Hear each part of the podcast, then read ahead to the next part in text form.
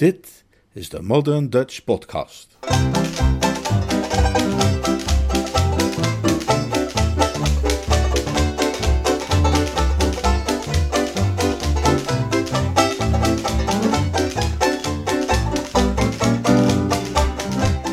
Jeeves en de Liefde.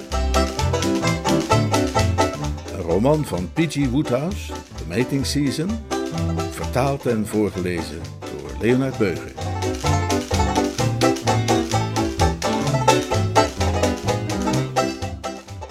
Hoofdstuk 21 Dit was de eerste keer dat ik het voorrecht had de gevierde diender over wie ik zoveel had gehoord, persoonlijk te mogen aanschouwen. En ik denk dat zelfs wanneer de omstandigheden minder spannend geweest waren, die aanblik mij wel even bezig zou hebben gehouden, want net als Silversmith betrof het hier een krachtige persoonlijkheid, die niet weinig de aandacht opeiste en de onvoorbereide voorbijganger de adem gedurende langere tijd deed inhouden. King Deveril's onvermoeibare behoeder van rust en orde was een agent van het schonkige, potige type. Het was alsof moeder natuur toen ze hem ontwierpen bij zichzelf had gezegd: ah, nu is niet te kinderachtig. Ze had dan ook nergens op beknibbeld, met uitzondering misschien van zijn lengte. Ik geloof dat, om toe te mogen treden tot het blauw, men 1,76 meter dient te meten op zijn sokken.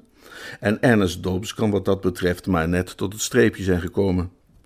Maar die verticale beperking had het effect dat zijn ontwikkeling in breedte en diepte des te indrukwekkender scheen.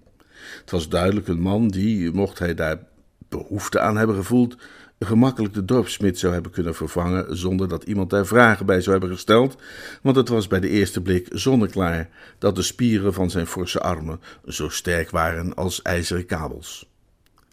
Dat zijn voorhoofd nat was van eerlijk zweet, maakte de gelijkenis op het moment dat ik hem zag alleen nog maar groter. Hij zag eruit als een man die zojuist een zware emotionele ervaring had moeten doormaken. Zijn ogen spatten vuur, zijn snor trilde in schrobbende bewegingen en zijn neus produceerde briesende geluiden. Zei hij, en hij spuwde krachtig. Meer niet. Kennelijk een man van weinig woorden, maar een goede spuwer.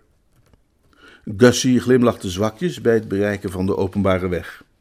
Ook hij leek mij sterk geëmotioneerd. Met mij erbij waren dat dus drie sterk geëmotioneerde kerels. Tja, tot, tot ziens dan maar, agent, zei Gussie. Tot ziens, meneer, zei de agent kortaf. Hij ging zijn huisje binnen en sloeg de deur hard achter zich dicht. Ik sprong als gelanceerd op Gussie af. Wat gebeurt hier allemaal? Vroeg ik huiverend. Op dat moment ging de deur van het huisje weer open en kwam agent Dobbs weer tevoorschijn. Hij had een grote schep in zijn handen en op die schep een ferme hoeveelheid van wat eruit zag als kikkers. Ja, ook als ik goed keek, kon ik er niets anders van maken dan kikkers. Een fikse zwiep met de schep en het stomme gedierte vloog door de lucht alsof hij confetti gestrooid had. Ze landden op het gras en gingen hun weegs. De agent bleef even stilstaan, wierp een vernietigende blik op Gussie, spuwde opnieuw krachtig en geroutineerd en verdween weer naar binnen. Gussie nam zijn hoed af en depte zijn voorhoofd. Laten we maken dat we hier wegkomen, zei hij met aandrang, en pas toen we een halve kilometer verder waren, kwam hij weer een beetje tot rust. Hij nam zijn bril af, poetste die op en zette hem weer op zijn neus. Zijn blik verloor die rusteloze gloed en zijn ademhaling werd weer enigszins regelmatig. Dat was agent Dobbs, zei hij. Ja, dat had ik reeds gededuceerd. Vanwege dat uniform waarschijnlijk. Ja, en die helm uiteraard. Natuurlijk, zei Gussie. Ja, ja, natuurlijk, ja, ja, natuurlijk. Ja, ja. Het begon erop te lijken dat hij nog wel een poosje op die manier door zou kunnen gaan, maar na nog een keer of zes natuurlijk te hebben gezegd en een keer of zeven ja, ja, wist hij de begoocheling te doorbreken. Bertie, zei hij, goeie genade, ik zou nu wel een stevige sinaasappelsap kunnen gebruiken. Ik deed er even het zwijgen toe, tot het duizelige gevoel dat mij overviel weer wegtrok. Ja, maar wat, wat was er nu eigenlijk aan de hand, vroeg ik, toen ik weer wat op krachten was gekomen. Hè? Wat had je gedaan? Wie, ik? Ja, jij! Oh, zei Gussie nonchalant, alsof het ging om iets dat men nu eenmaal van een welopgevoed Engelsman kan verwachten. Ik had wat kikkers bij hem uitgestrooid. Ik keek hem met uitpuilende ogen aan. Wat had je gedaan? wat kikkers gestrooid in Dobs slaapkamer. Het idee kwam van de dominee. Van de dominee? Ik bedoel, Corky had dat idee bij hem opgedaan. Zat heel lang zitten pijnzen, dat arme kind, naar aanleiding van Dobs aanmatigende gedrag ten opzichte van haar hond. En toevallig kwam de dominee gisteravond te spreken over de farao en al die plagen waardoor hij getroffen werd toen hij de kinderen Israëls niet wilde laten gaan. Je herinnert je dat voorval waarschijnlijk wel? Dat verhaal zette haar aan het denken. Corky bedacht dat als Dobbs door een kikkerplaag werd bezocht, hij hoogstwaarschijnlijk wel tot één keer zou komen en Sam Goldwyn zou laten gaan. En vervolgens heeft ze mij gevraagd om bij Dobbs huisje langs te gaan en dat voor haar in orde te brengen. Ze zei dat het haar heel gelukkig zou maken, dat het heel goed zou zijn voor Dobbs en dat het mij hoogstens een paar minuten zou kosten. Ze had weliswaar het gevoel dat een luizenplaag nog een stuk effectiever zou zijn, maar zij is praktisch en realistisch van aard en besefte dat het best lastig is om aan luizen te komen, terwijl kikkers in elke sloot te vinden zijn. De muizen in mijn maag en overal elders in mijn lichaam kwamen opnieuw tot leven. Met de nodige moeite lukte het me de jammerklacht als van een verdoemde ziel die in mij opwelde te onderdrukken. Ongelooflijk leek het me dat deze superdruif al zo lang door het leven ging zonder ooit in een of ander gesticht te zijn gekomen. Je zou toch denken dat een instelling als Mazoort of Zandpoort of Groot Graffel, die overal hun verspieders hebben, zich al jaren geleden over hem zou hebben ontfermd. Vertel me nou eens precies wat er is gebeurd. Heeft hij je betrapt tijdens dat uh, strooien? Gelukkig niet, nee. Hij kwam een halve minuut later binnen. Ik had op de loer gelegen en gewacht tot ik zeker wist dat zijn huisje leeg was, voor ik naar binnen ging om die kikkers los te laten. Maar hij was dus kennelijk niet erg ver weggegaan. Precies, waarschijnlijk alleen even naar de schuur om zijn geraniums op te potten of zoiets, want toen hij weer binnenkwam zaten zijn handen onder de tuinaarde. Hij was misschien wel teruggekomen om ze te wassen. Dat was een heel gênant ogenblik even. Ik, ik wist niet zo gauw wat ik zeggen moest. Uiteindelijk zei ik maar: Oh, hallo, bent u daar? Hij staarde een tijdje naar al die kikkers en toen vroeg hij: Wat is dat allemaal?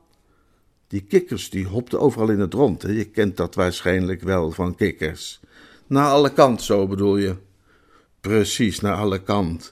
Maar goed, ik wist mijn kanten te bewaren en ik zei: Wat is wat allemaal, agent? En hij zei: Al die kikkers. En ik zei: Ah, juist, ja. Ja, er zijn er hier nogal wat, ja. U bent een liefhebber. En toen vroeg hij of ik dat geflikt had. En ik zei: Hoe bedoelt u geflikt, agent?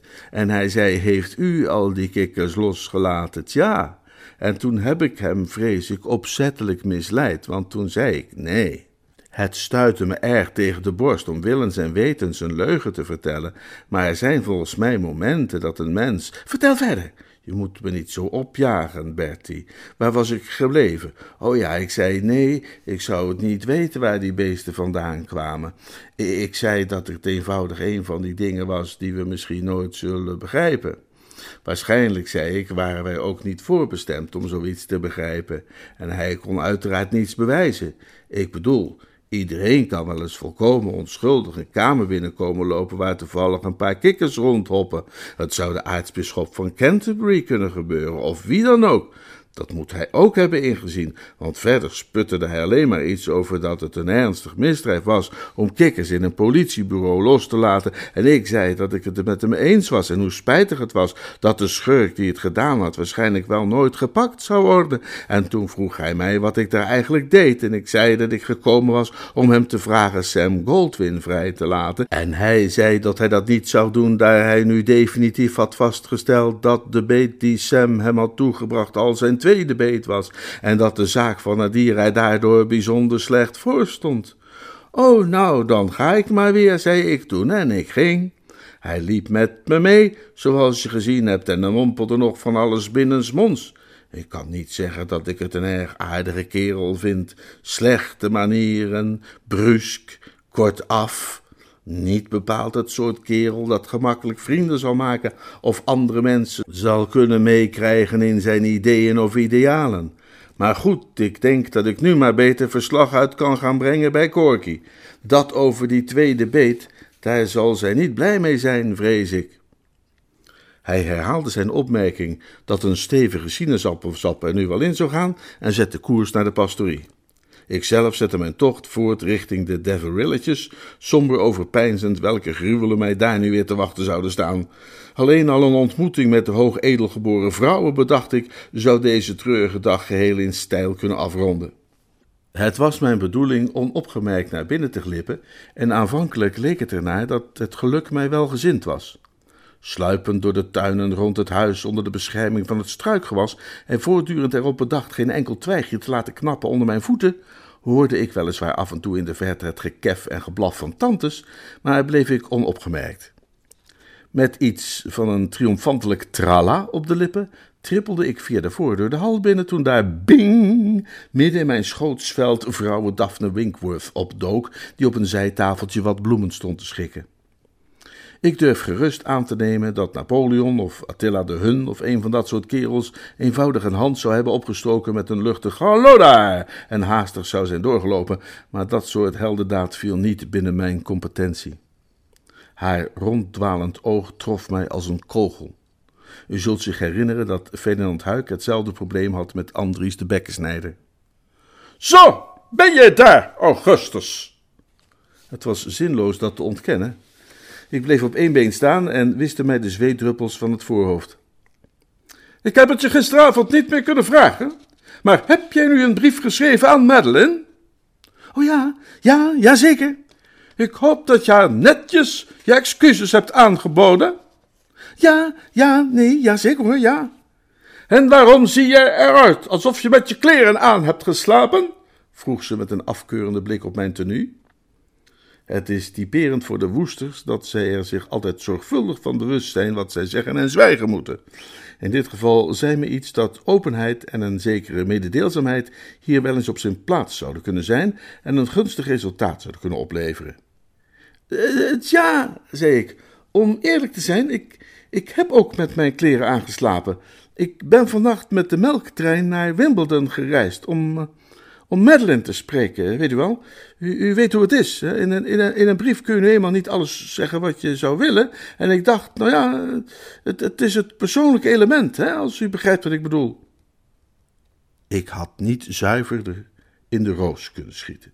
Ik heb nooit echt gezien hoe een schaapherder een verdwaald lammetje dat zijn weg teruggevonden heeft naar de kudde verwelkomt, maar ik kon me levendig voorstellen dat zijn gedrag bij die gelegenheid sterk overeen zou komen met dat van deze twintig minuten in gijze water hardgekookte tante toen ik dat zei. Haar ogen werden week. Haar gezicht ontspande in een voldane glimlach.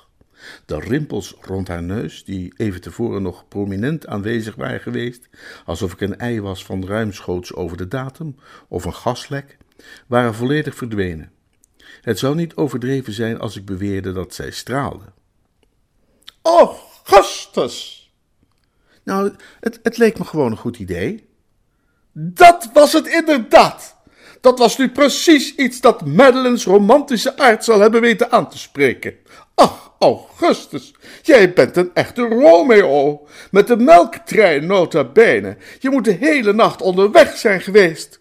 Ja, nou, zo goed als. Ach, arme jongen. Ik zie dat je helemaal uitgeput bent. Ik zal om Silversmith schellen dat hij wat sinaasappelsap brengt. Ze drukte op de bel. Er volgde een korte spelpauze. Ze drukte nog eens op de bel en er was nog een korte spelpauze. Ze stond op het punt om nog een derde keer de wijsvinger op de knop te plaatsen toen het uurglas vol was en de man verscheen. Oom Charlie kwam op van links en ik was verbaasd te zien dat hij een milde glimlach op het gelaat droeg.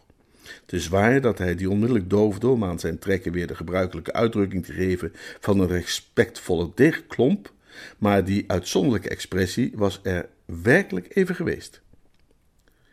Al neemt u mij de vertraging niet kwalijk in mijn respons op de bel, moi zei hij. Toen mevrouw belde, hield ik juist een korte toespraak, en het was pas na enkele ogenblikken dat ik mij bewust werd van uw oproep. Vrouw Daphne knipperde even met de ogen, evenals ik trouwens. Een korte toespraak? Ten ene van de heugelijke gebeurtenis van. Mijn dochter Queenie heeft zich zojuist verloofd, mevrouw. Vrouw Daphne deed iets van, oh heus, en ik had bijna, werkelijk meneer, gezegd want deze informatie had me volledig verrast. In de eerste plaats had ik me geen ogenblik gerealiseerd dat er enige vorm van bloedverwantschap kon bestaan tussen de volumineuze butler en het bevallige kamermeisje. En bovendien kwam het me voor dat ze wel heel snel een kennelijk grondige oplossing had weten te vinden voor haar dolbesproblematiek.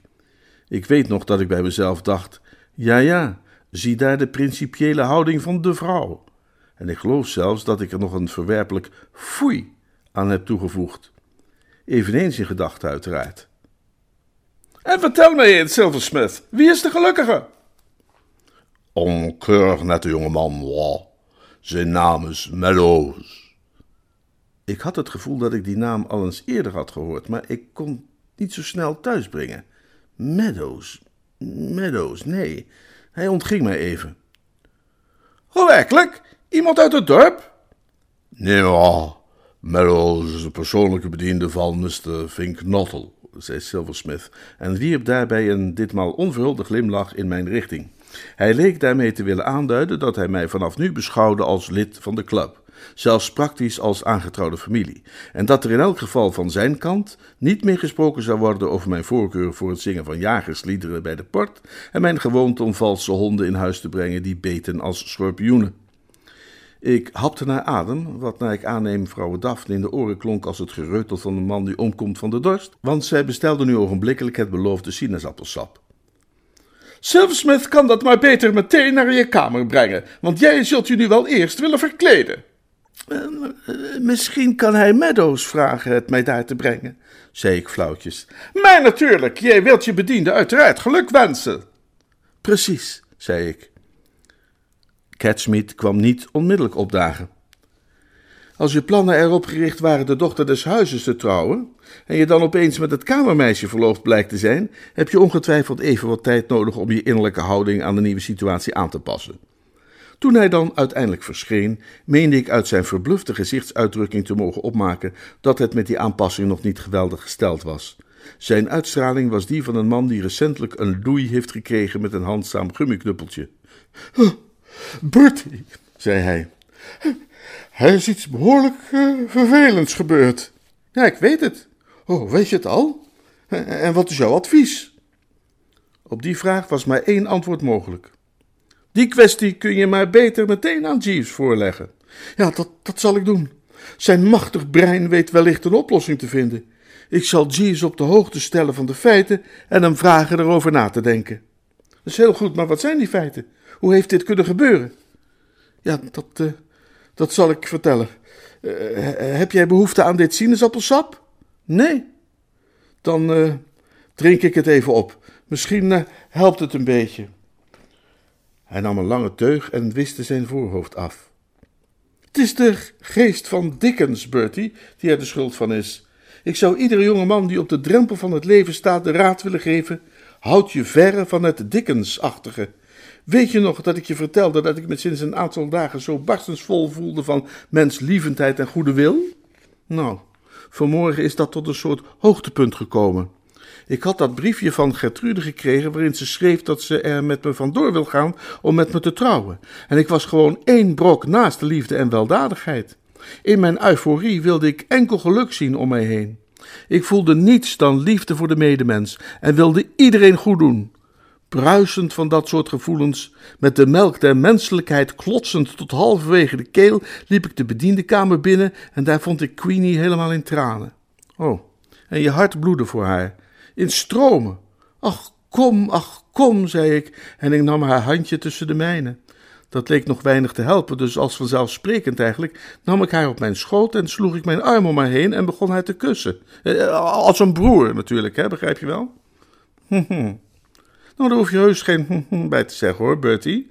Sir Galahad of zo iemand zou precies hetzelfde gedaan hebben als ik. Sapperloot, er is toch niks mis mee wanneer je optreedt als een liefhebbende oudere broer, wanneer zo'n meisje het moeilijk heeft. Dat is heel fatsoenlijk gedrag, zou ik zeggen. Maar denk nu vooral niet dat ik geen spijt heb van mijn impulsieve goede daad. Ik moet die ernstig betreuren, want op dat moment kwam Silversmith binnen. En wat denk je? Silversmith is haar vader. Dat weet ik. Hm, lijkt wel of jij alles weet. Dat is ook zo. Nou, één ding weet je dan toch niet? Namelijk dat Silversmith in het gezelschap was van Gertrude. Nee, toch? Ja, toch. En haar reactie op het moment dat ze me zag was nogal gereserveerd. Die van Silversmith daarentegen allerminst. Hij deed me sterk denken aan een van de mindere profeten, zei het dan zonder baard, die geconfronteerd werd met de zonde van het volk. Hij begon onmiddellijk vervloekingen uit te spreken op donderende toon. Er zijn vaders die weten hoe ze een dwalende dochter moeten terechtwijzen, en er zijn vaders die daar geen kaas van hebben gegeten. Silversmith behoort tot de eerste categorie. En vervolgens hoorde ik, als in een soort droom, dat Queenie tegen hem zei dat wij verloofd waren. Ze heeft me later verteld dat het haar op dat moment de enige oplossing leek. En inderdaad zorgde het voor een tijdelijke verlichting van de spanning. Ja, maar hoe leek Gertrude dat op te nemen? Oh, niet erg juichend. Ik heb zojuist een briefje van haar gekregen waarin ze onze verloving uitmaakt. Hij produceerde een hol gekreun, zoals dat mijzelf de laatste tijd ook zo vaak was ontsnapt. Bertie, voor jou staat een radeloos man, een desperado, een man wiens laatste hoop is vervlogen. Je hebt toch niet toevallig een cyanidecapsule bij je? Hij kreunde opnieuw bijzonder hol. En daar komt er nog bij, zei hij, dat ik nu een groene baard moet gaan zitten omdoen om vrolijk Mike te kunnen spelen in een komische sketch. Het speet me natuurlijk allemaal erg voor de jeugdige druif, maar het zat me wel een beetje dwars dat hij kennelijk dacht dat hij de enige was die zo zijn problemen had. Nou ja, ik moet zo dadelijk Janneman Robinson gedichten gaan voordragen. zei hij, voor hetzelfde geld was het Winnie de Poe geweest. En dat was natuurlijk ook wel weer waar.